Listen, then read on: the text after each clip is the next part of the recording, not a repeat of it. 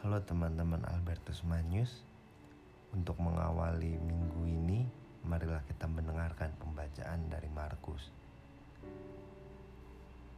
Pada suatu hari Yesus berangkat meneruskan perjalanannya. Maka datanglah seorang berlari-lari mendapatkan dia Dan sambil bertelut di hadapannya Ia bertanya Guru yang baik Apa yang harus kuperbuat untuk memperoleh hidup yang kekal? Yesus berkata kepadanya, "Mengapa kau katakan aku baik? Tak seorang pun yang baik selain Allah. Engkau tentu mengetahui segala perintah Allah. Jangan membunuh, jangan berzina, jangan mencuri, jangan mengucapkan saksi dusta, dan jangan mengurangi hak orang. Hormatilah ayahmu dan ibumu." Kata orang itu kepada Yesus, Guru, semuanya itu telah kuturuti sejak masa mudaku. Tapi Yesus memenang dia dan menaruh kasih kepadanya, lalu berkata kepadanya, Hanya satu lagi kekuranganmu. Pergilah, jualah apa yang kau miliki, dan berikanlah itu kepada orang-orang miskin. Maka engkau akan memperoleh harta di surga. Kemudian, datanglah kemari dan ikutilah aku Mendengar perkataan Yesus, orang itu menjadi kecewa, lalu pergi dengan sedih, sebab banyaklah hartanya. Lalu Yesus memandang murid-murid di sekelilingnya dan berkata kepada mereka, Alangkah sukarnya orang yang beruang masuk ke dalam kerajaan Allah. Murid-murid tercengang mendengar perkataan itu. Tetapi Yesus menyambung lagi, Anak-anakku, alangkah sukarnya masuk ke dalam kerajaan Allah. Lebih mudah seekor unta melewati lubang jarum daripada seorang kaya masuk ke dalam kerajaan Allah. Para murid semakin gempar dan berkata seorang kepada yang lain, "Jika demikian, siapakah yang dapat diselamatkan?" Yesus memandang mereka dan berkata, "Bagi manusia, hal itu tidak mungkin, tapi bukan demikian bagi Allah."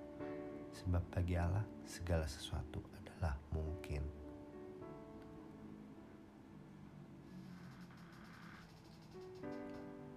Demikianlah Injil Tuhan, terpujilah Kristus. Injil pada hari ini menampilkan tentang semangat orang yang berlari-lari dan di hadapan Yesus yang berlutut dan bertanya kepada Yesus tentang apa yang harus dia perbuat untuk memperoleh hidup yang kekal orang itu adalah orang yang kaya. Dalam kekayaannya, ia masih merindukan hidup yang kekal dan bagaimana cara untuk memperolehnya. Ketika Yesus bertanya tentang pengetahuannya pun, ia telah melakukannya dan amat sangat baik. Lalu dengan semangat juga, ia berujar bahwa ia telah menaati segala perintah Allah sejak masa mudanya Tentu hal ini menunjukkan betapa ia tahu tentang perintah Allah dan telah mampu mengikutinya dengan amat sangat baik di dalam hidupnya. Namun untuk memperoleh hidup yang kekal ternyata tidak cuma itu. Tidak cukup dengan tahu perintah Allah. Karena pengetahuan saja tidak cukup. Yesus meminta lebih dari itu. Karena itu Yesus mengatakan bahwa masih ada satu yang kurang. Yang kurang adalah ia harus menjadi manusia yang bebas, yang tidak terikat pada harta kekayaan, dan dengan membuka hati penuh kerelaan membaginya kepada sesama, terlebih kepada yang miskin. Kelekatan pada harta kekayaan ini justru menutup jalan mencapai kehidupan yang kekal. Pergilah, jualah apa yang kau miliki, dan berikanlah kepada orang-orang miskin. Kemudian datanglah orang itu merasa berat tidak rela dia melepas segala hartanya. Ia mengira bahwa dengan mengikuti perintah Tuhan itu sudah lebih dari cukup. Pada faktanya belum. Ia harus menyerahkan diri sepenuhnya kepada Tuhan sebagai manusia bebas, tanpa terikat melekat pada harta kekayaan. Ia menjadi pengikut Tuhan, mau, mau memperoleh hidup yang kekal, asal tidak ada syarat macam-macam cukup ikut perintah Tuhan saja dan dan tidak bersedia menerima tuntutan macam-macam apalagi harus kehilangan harta yang dimilikinya. Kita sebagai manusia acap kali lupakan tujuan hidup kita, yakni untuk semakin memuliakan nama Allah di bumi. Ad Maiorem de Gloriam. Seringkali sarana yang Allah berikan, yakni berupa serta segala macam hiburan yang ada malah kita anggap sebagai tujuan hidup kita. Padahal itu sebatas sarana yang Tuhan berikan.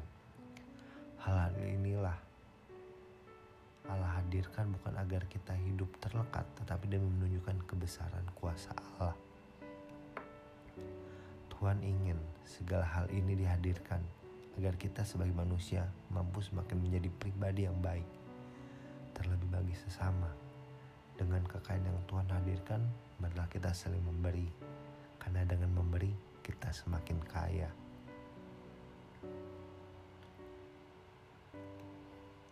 Yang Allah yang maha murah, kami umatmu mengucap syukur atas segala kemurahan hatimu, atas segala kemudahan yang kau hadirkan dalam hidup kami atas segala kurnia yang kau berikan, kami mengucap syukur ya Tuhan. Semoga roh kudusmu senantiasa menuntun kami agar kami sadar akan tujuan hidup kami, yaitu untuk semakin memuliakan namamu di bumi.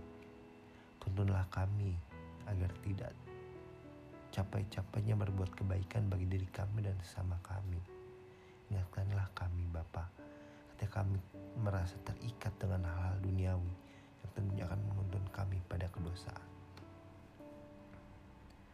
Bapa ampunilah kami hamba-hambamu ini yang berdosa. Pun kami berdoa bagi kedamaian dunia ya Tuhan. Semoga negara-negara yang berperang kau sadarkan akan pentingnya kedamaian dan cinta kasih. Bahwa perang itu sia-sia. Semuanya bisa dilakukan dengan cinta dan penuh kebaikan. Pun kami berdoa atas pandemi yang masih terjadi Ya Bapa, buatlah kami, anak-anakmu ini, kami buatlah kami sadar untuk senantiasa menjaga ibu bumi. Doa yang jauh dari sempurna ini kami aturkan kepadamu, yang kalau Raja mulia dan berkuasa, kini dan sepanjang segala masa. Amin.